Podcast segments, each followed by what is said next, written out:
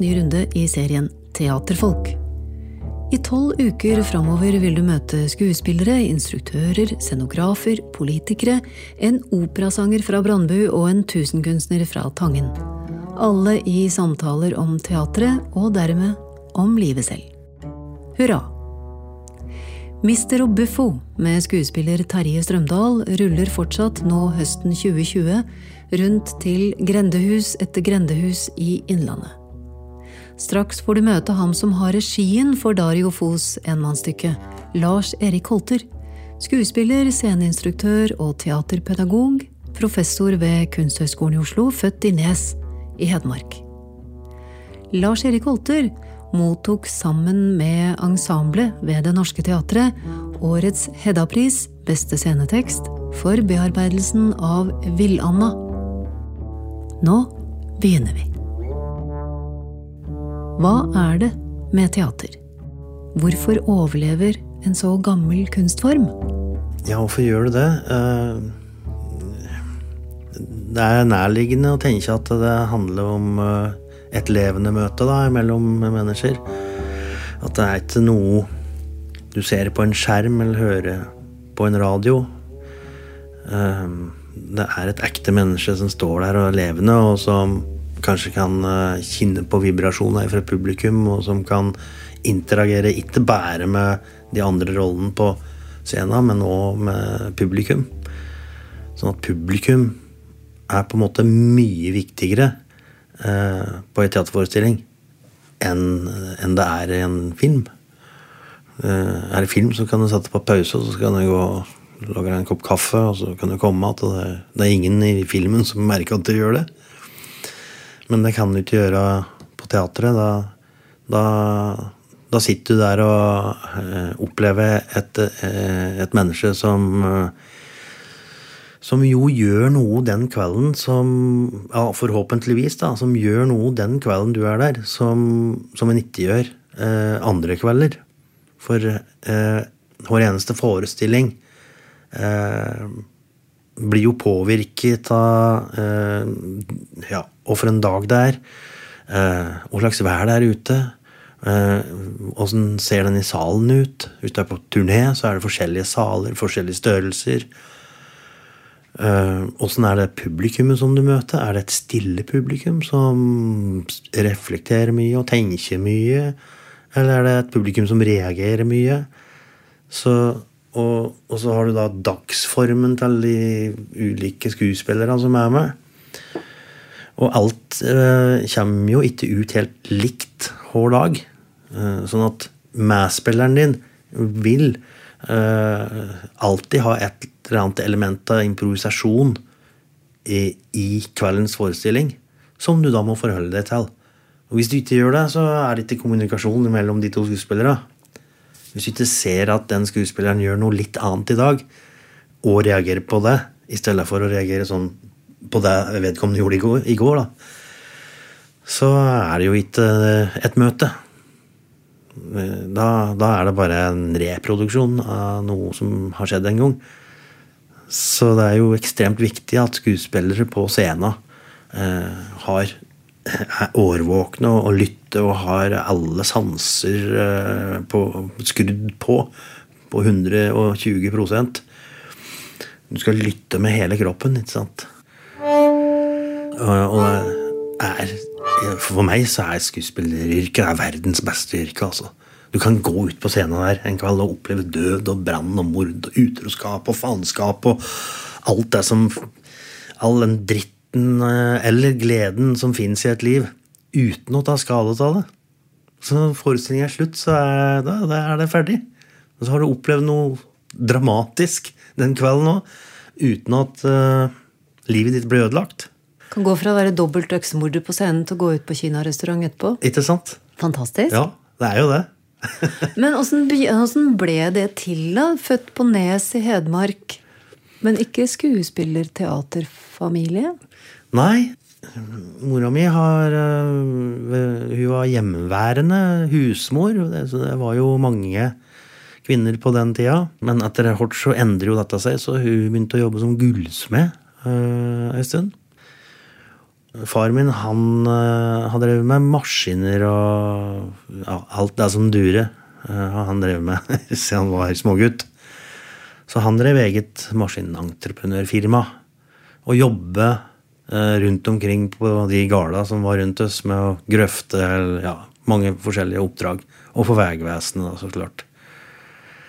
Så, så, det var ingen um, Ingen skuespillere eller kunstnere, eh, trodde jeg. Nå viser jo seg at eh, mora mi hun, hun, begynte jo å male. Eh, så hun, hun, maler ganske mye nå. Så det, det har nok jeg året derifra. Far min har jo spilt trekkspill i alle år og er kjempemusikalsk. Eh, og veldig slagferdig og morsom fyr. Så det har nok ligget der. Sjøl om det ikke har blitt uttrykt som yrke da, for noen av dem. Den dagen du sa at jeg har kommet inn på Teaterhøgskolen, da sa de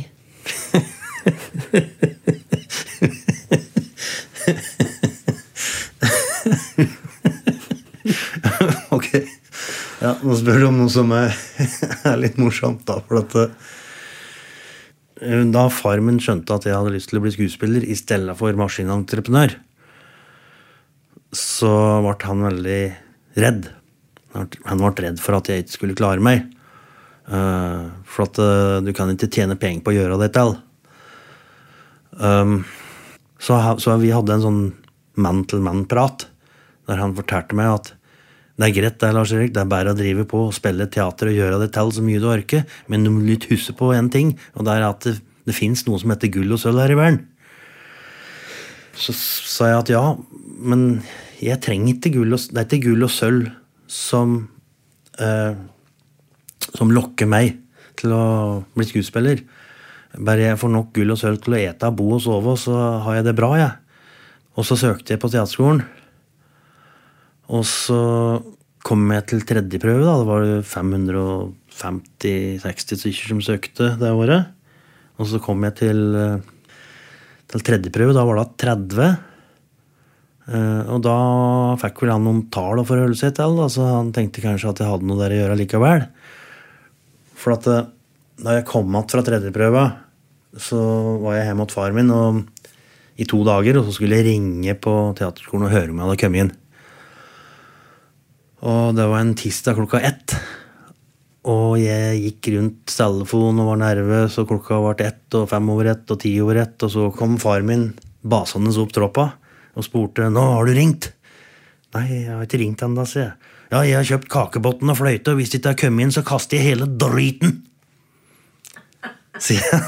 Så, så det var jo en slags eh, anerkjennelse av mitt valg, da kan du si. Og så ringte du? Og så ringte jeg, og så fikk jeg plass. Og da ble det kake? Da lagde en kake. Det er jo en uh, Fosse-karakter, kan du si. uh, jeg syns det er så moro når folk sier at uh, Fosse skriver om folk som ikke kan å kommunisere. Mens for meg er det helt motsatt. Fosse skriver om folk som kan å kommunisere, men de gjør det på en så subtil måte at du er nødt til å kunne koden for å skjønne hva de driver med. Det ligger mye kommunikasjon i pauser òg? Åh, oh, ja. Jøye meg. Kanskje mer. Kanskje mer, altså. For at uh, det vi sier, uh, er jo nesten aldri sant. Uh, vi sier bare en delsannhet. Eller for ikke å såre folk, eller for ikke å virke kjepphøye. Eller en eller annen grunn har vi hele tida til å ikke si det vi innerst inne mener. Og det kan jo da ofte lekke ut eh, i de pausene imellom orda. Ja eh, Hva er en pause? Pauser som oppstår mellom folk som sitter og prater sammen. Eh, kan vel oppstå av mange forskjellige årsaker. Det kan være noe du ser i øynene på den andre, og så skjønner den andre at du ser det du ser. Og så er det ingen som klarer å si noe, For det er begge føler seg gjennomskuet. Eh, det kan være at du lurer på hva som blir sagt. At du ikke skjønner hva som blir sagt. Eller at du ikke vil skjønne hva som blir sagt. Ofte på teatret så eh, kan det oppstå pauser som egentlig ikke skal være der. Um, og da tenker jeg på jeg vet ikke, Kanskje du har sett teater noen gang der eh, skuespilleren lever bare når han prater? Mm. Og så, når, når skuespilleren ikke prater, så står han egentlig bare og venter på tur igjen. Venter til det er din tur. eh, Venter til det er hans tur. Jeg kan bli litt nervøs av det. Ikke sant? For at du skjønner ikke helt hva som foregår. Eh, og, og, er det, og, og det er ikke så lett å gjennomskue det. Men, eh, men eh, det som skjer da, det er jo at eh, skuespilleren ikke lytter til eh, partneren sin. For at eh, For eksempel nå, når jeg sa 'ikke lytte til partneren sin', så begynte du å nikke. Det vil si at du yes, Sjøl om du ikke har replikk, så lever du. Du svarer meg. Du sitter og nikker enda. Eh, Ja, huet mitt går i ett kjør. ikke sant? Så, så sjøl om det er jeg som sitter og babler og skravler lenge nå, så, så gir du meg hele tida signaler om at enten at du skjønner det, eller at du er enig eller uenig. ikke sant? Mens det er det noen skuespillere som glemmer. Ser du det ofte, syns du? Nei, jeg ser det ikke så ofte nå lenger. Men jeg syns jeg så det oftere før.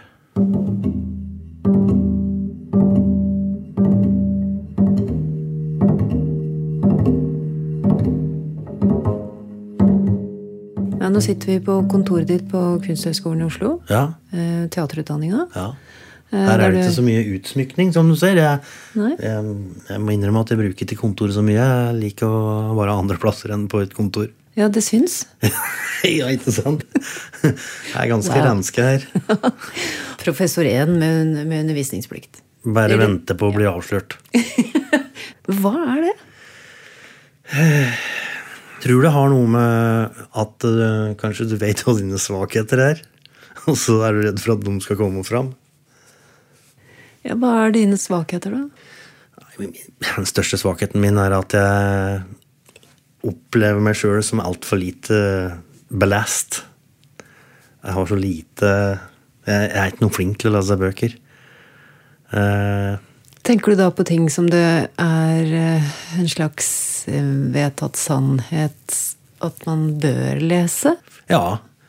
At eh, bøker er en kilde til kunnskap. Den kunnskapen jeg føler jeg er for liten da, her. Så nå har jeg liksom avslørt meg sjøl nå, da. Hvordan klarte du det? ja, altså, når jeg søkte på regilinja, så var det jo opptaksprøver, og det siste var et intervju.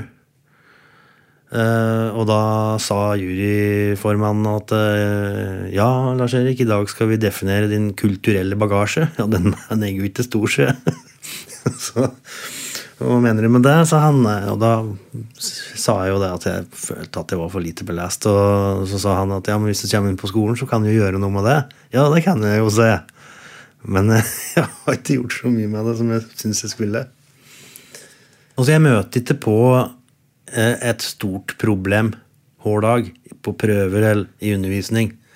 Eh, Men jeg møter på noen ganger mangelen på referanser. På den måten. Men når du satte opp um, Villanda, som fikk Hedda-prisen 2020 for beste scenetekst Ja. Hedvig i Villanden. Villanna. Ja. Vil du, hvordan vil du beskrive henne? I våres versjon så er hun en, en 14-åring som eh, som ligner mer på de 14-åringa vi kan møte på i dag. Um, vi har vært litt grann sammen med eh, tenåringer i, i, i forbindelse med amatørteater, som min egen sønn er med på. Eh, og, og det var en sånn vekker, altså. Eh, for at eh, jeg vet ikke Jeg opplever ikke at jeg hadde det sånn sjøl. Jeg var seint utvikla, og det gikk veldig sakte, så kanskje jeg slapp unna en del ting. Sånne, hormon, hormonelle prosesser og emosjoner og ja, at hugget blir borte. Og, altså, mister jo huet sitt i noen år, og så blir de seg sjøl igjen etter, etter at de fyller 20. Mange av dem. uh, og så ut, det de uttrykker utad, er nesten aldri det de, sånn de egentlig har det. Uh, du, kan, du kan føle jeg, jeg kan huske mange situasjoner der jeg har følt meg skikkelig avvist av tenåringer. da. Uh, Det er brutalt. Ja, skikkelig brutalt. Altså, det kommer med god hensikt og kanskje skal hjelpe til med et eller annet, og så, og så kjenner du bare en slags sånn skikkelig sånn iskald front. Uh, men så er det egentlig ikke det de prøver å uttrykke. Hvordan kan vi hjelpe dem da? Jeg vet ikke om vi skal hjelpe dem, kanskje vi skal hjelpe oss med å lese. Med å lære å lese av dem. For at eh, det er jo så mye som skjer med dem, at, eh, at det er ikke så greit å, å, å sortere alt som skjer i den tida. Og, og eh, voksne folk eh, glemmer jo åssen det var å være tenåring. Eh, og, så, og så reagerer vi feil da, på Vi reagerer feil på, på tenåringers eh, atferd. Fordi vi kjenner oss avvist? Ja, jeg tror det. Eh, jeg tror det. Eller iallfall har jeg kjent på det. Kjent på en slags skuffelse og en irritasjon og en uh, Sjøl om jeg ikke har noen tenåringer sjøl ennå, så, så har jeg da møtt folk eh, som har gitt meg den følelsen av eh, ja, utilstrekkelighet. Ja, alt dette her har jeg hørt om før. Fra foreldre som har eh, tenåringer. Så jeg må innrømme at jeg gruer meg litt. Jeg har, jeg har en på 11 og en på 6. Hun, Hedvig, som vi prøvde å lage, da, hun, hun er en av disse her som uttrykker en slags avvisning eller ikke greier å, å prate om følelser, ikke har lyst til å prate om følelser. Eh, hun har jo et, eh, helt sikkert et enormt behov for å, bli, for å få bekreftelse på mor og far sin kjærlighet, ikke sant? Eh, men oppfører seg ikke sånn. Hun pakker seg heller inn i noe sminke og parykk og liksom svarte klær og Og så bruker hun da eh, fotoapparatet til å ta bilder og prøve å uttrykke seg gjennom det. Eh, Men det hjelper ikke stort, det heller. Så det er den derre eh, avgrunnen altså, som fins mellom tenåringer og foreldre. Og da tenker jeg at eh, vi skal ikke prøve å gjøre noe med uh, tenåringa. Vi skal bare skjønne dem bedre. Jeg tror at eh, hvis Hvis verden gikk under, og det ble igjen bare to mennesker, så vil de to menneskene fortelle noen historier. Jeg tror mennesker er avhengig av historier for å skjønne fortida og si egen tid, og kanskje skjønne litt om hva som skal skje framover. For da vi trenger påminnelser hele tida om de store tinga i livet og de små tinga i livet. Og sånn var det sikkert eh, helt i begynnelsen av menneskets sin, sin eksistens. At de fortalte noen historier, og gjennom det så lærte de åssen de skulle leve, åssen de skulle gå på jakt, og hvor de skulle finne bær. Eh, om forhold mennesker imellom. Kanskje det var en eller annen vandrer som var langt av gårde og kom hjem og fortalte om noen, et annet folk som levde helt annerledes. Så, så jeg tror vi er avhengig av det, altså. Å prate sammen og ha sosialt samvær. Og eh, ja, som sagt, bli påminnet hele tida om For at det, er veldig mange um, temaer i både teater og film som går att hele tida, ikke sant? Vi, vi, vi spiller det som og opp igjen og opp igjen og opp igjen. Og særlig i teatret så gjør vi det. Vi spiller jo, vi reproduserer oss sjøl hele tida. Og, og, og folk er happy med det òg.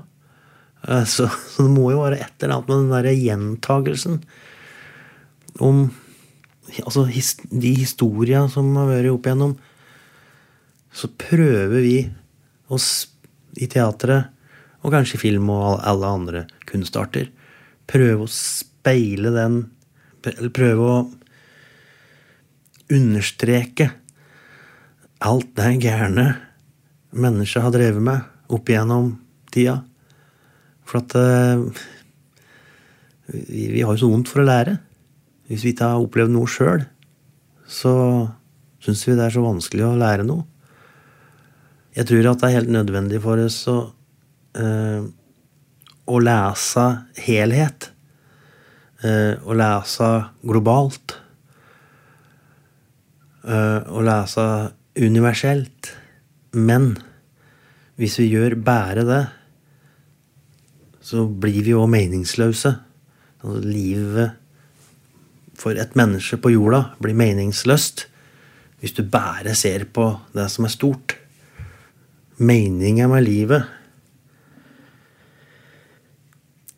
minke omvendt proporsjonalt med omfanget av verdensanskuelsen. Så til større du ser på ting Hvis du ser på hele universet, så blir bare, jorda bare en liten knott. Uh, fullstendig ubetydelig. Hva skal vi med denne jorda her, egentlig? Og, og hovmodige er ikke vi mennesker. Bare at vi tror at vi er det viktigste skapningen på jorda, er jo uh, horribelt, spør du meg. Uh, jeg syns det er så utrolig hovmodig, altså. Uh, så, men hvis du da liksom, begynner å se litt på de nære tinga, så tror jeg du kan finne lykke til og med. De, de der små øyeblikka. Du ser Hører ungen din lære et nytt ord, eller Sånn som hvis vi f.eks. spiller et stykke La oss si spiller Kong Ubu, som er et stykke om en konge som de klikker for til slutt. Så, så kan jeg sitte i salen og tenke ja vel, hva har det med meg å gjøre? Eh, og da må jeg jo tolke det eh, ok, maktmisbruk. Er, er jeg, driver jeg noen gang med maktmisbruk? Gjør jeg det, gjør jeg det på skolen, f.eks.? Eller gjør jeg det hjemme? Driver, med, driver jeg prøver å bestemme et eller annet over uh, mine egne kjære, som jeg egentlig ikke skal bestemme? Eller, altså, hvis teatret skal uh, greie å endre noe, mm. så, så må det begynne der, mener jeg da. Man må begynne med at noen i salen sitter og skjønner et eller annet om sitt eget liv, og går hjem igjen og gjør noe med sitt eget liv. Men jeg kan ikke gjøre noe med land, landet mitt som sådant, annet enn at jeg kan bli med i et politisk parti. og alt sånt, Men jeg kan ikke forandre det sånn smakk. Det er, det er jo mye lengre prosesser. Men jeg kan forandre ganske mye med en gang jeg har sett en forestilling. Men jeg er ikke fremmed for å lage forestillinger som, som henvender seg eh, til intellektet Men jeg mener at uh, hvis vi henvender oss til uh, emosjonen i folk, så uh, går det igjennom hjertet og emosjonen, og allikevel opp i intellektet. Så da får du begge deler. Men, men når, når um, ja, Ta Mistro Buffo, da som spilles eh, på samme kveld som Bjørnejegerskens bekjennelser. Mm. To monologer fra Teater Innlandet. Ute på vei nå og til grendehus. Hvordan, hva er forskjellen på et grendehus og en større sal? Jeg mener sånn, Hvordan opplever du forskjellen selv? Jeg tror folk opplever grendehus på forskjellige måter. Sånn som Nå er jeg 55 år og kommer fra ei bygd så vi var jo eh, voksne når vi ble konfirmert. Eh, og da fikk vi gå på fest. Og lange bukser. ja. så jeg har jo hatt forhold til grendehus eh, fra jeg var unge. Det var dåp, det var ja, liksom alle, alle, de her store punkta i livet ditt Gravelser. har med grendehus å gjøre. Mm. Det er støtt på grendehus, de tinga der skjer. Men så er det sikkert noen som har helt annet forhold til grendehus òg. At det nå er liksom ikke er noe gammeldags, eller at det bare foregår bingo der en gang i uka. Eller, sant? Men jeg har veldig sterkt forhold til grendehus, og, um, og, og, føler meg veldig hjemme der. Uh, og, og, føler at det sitter veldig mye i veggene. Jeg føler at det sitter mye mer i veggene der enn i et kulturhus. et splitter nytt og fint kulturhus er flott. Eh, og det er kjempefint å dra og se teater der. Eh, men det har andre kvaliteter enn eh, Grendehuset. da. Det, det, det, er noe nært, og det er noe som gir deg en opplevelse til at du, at du, du, du kan liksom lukte på bygda. Mm. Lukte på den, det stedet som folk har brukt. Det kommer litt hjem til folk? ja, måte. ikke sant? Ja. Mm. ja. At de har et eiendomsforhold til huset også. Ja. Tenker det er klina for første gang på et grendehus. Ikke sant? Og så en eh, gutt fra skolen min kjørte mopeden sin inn på dansegulvet. det har jeg vært med på! ja. Børne på parketten. Så var det danseband på scenen. Og de spilte den der eh, Mississippi.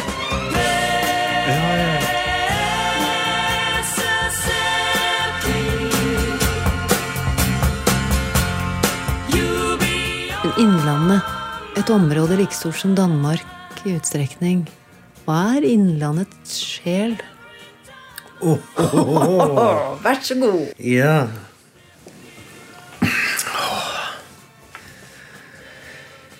Innlandet sin sjel. Jeg tror kanskje jeg skal prøve å se på forskjellen mellom Jeg har jo opplevd både Innlandet og by. Bodd i både bygd og by. Uh, og for meg så har det vært en veldig bra eh, situasjon. For at uh, jeg har kunnet sett på begge deler gjennom det perspektivet fra det motsatte. da. På bygda så vet jo alle folk hvor du er. ikke bare fordi du driver med teater eller stikker noe sånn fram, sånn som jeg har gjort, men Eh, folk vet jo hvem det er som bor på bygda der. Er det bra, eller er det dårlig? Ja, det er begge deler, det, vet du. Se på han når han kjøper seg Mercedes. Nå er det han skal ha med da. Han skal ha med så stor bil, da. Ja, nå har han Per fått slik som han vil. Bukse og jakke, og nå kjører han bil. Det er sant. Hvis det er noen som har kjøpt seg ny bil som noen er misunnelige på, så går bygdesladderen, ikke sant, og bygdedyret Uh, som, som, jo er helt forkastelig. Uh, som vi ikke egentlig vil ha. Uh, og så har du på den andre sida uh, folk som kanskje føler seg utafor på en eller annen måte. blir bedre tatt vare på på bygda enn i byen, opplever jeg, da. De er i miljøet. De er ikke utestengt. De er med. Det er en av oss. De er en av oss, ja. Mens i byen så opplever jeg at det er mye lettere å dette utafor da. For at uh, folk bor så tett at du må passe på å velge de du Du velger de du skal møte. Du, du velger dine venner. Du velger uh, de du uh, skal i det hele tatt se. hver eneste dag så velger vi det. Mens på bygda så får du ikke velge det. Du kommer er det fest, som f.eks. på lokalet som vi pratet om i stad, så, så, så, så, er jo alle sammen der. Uansett om de er små eller store, eller gamle eller unge, eller om de har skavanker, eller om de har en eller annen et eller annet avvik, så, så, blir folk tinn vare på uh, likevel. Det er en bra ting med bygda, som jeg har opplevd. da. Uh, men så kan det sjølsagt være plutselig motsatt òg. At, at, du er ernstless på feil måte. Mm. og da er det i hvert fall ikke greit å være på bygda. Da må du jo bare flytte. Og så er det en annen ting som jeg syns beskriver Jeg husker at søsteren min gikk på folkehøgskole på Lena, og så gikk jeg sammen med to gutter fra Oslo. Så kom de to gutta på besøk. Og så skulle vi kjøre en tur, og så kjørte han der gutten han ene gutten han kjørte av veien. Og den første bilen eh, som så oss, som kom kjørende, had, eh, drog oss opp igjen med en gang. ikke sant? Det, det, var ikke noe veihjelp å vente på. eller noe sånt. Det var den første som kom, den hjalp til å dro oss opp igjen. Og altså, Gutta de var jo helt fjetre over Jøss, er det mulig liksom at noen bare hjelper til med en gang? Og så er det jo det, det som du sa i stad, at sånn som når jeg kjører oppover og skal hjem igjen og kommer til Minnesund og ser Mjøsa, så kjenner jeg jo Så detter skulderen ned, og så begynner å puste annerledes. Og Mjøsa er så stor, og landet rundt ligger så tungt og trygt rundt vannet. Det kan aldri bli flytt på. Så jeg, er jo veldig glad i å komme hjem til Nes. Komme til bygda og eh, Og ja, Jeg tror ikke jeg har blitt kvitt noe kvitt den bygdefyren som jeg støtt har vært i. Den, den ligger der og koker hele tida, den, i, i bånn.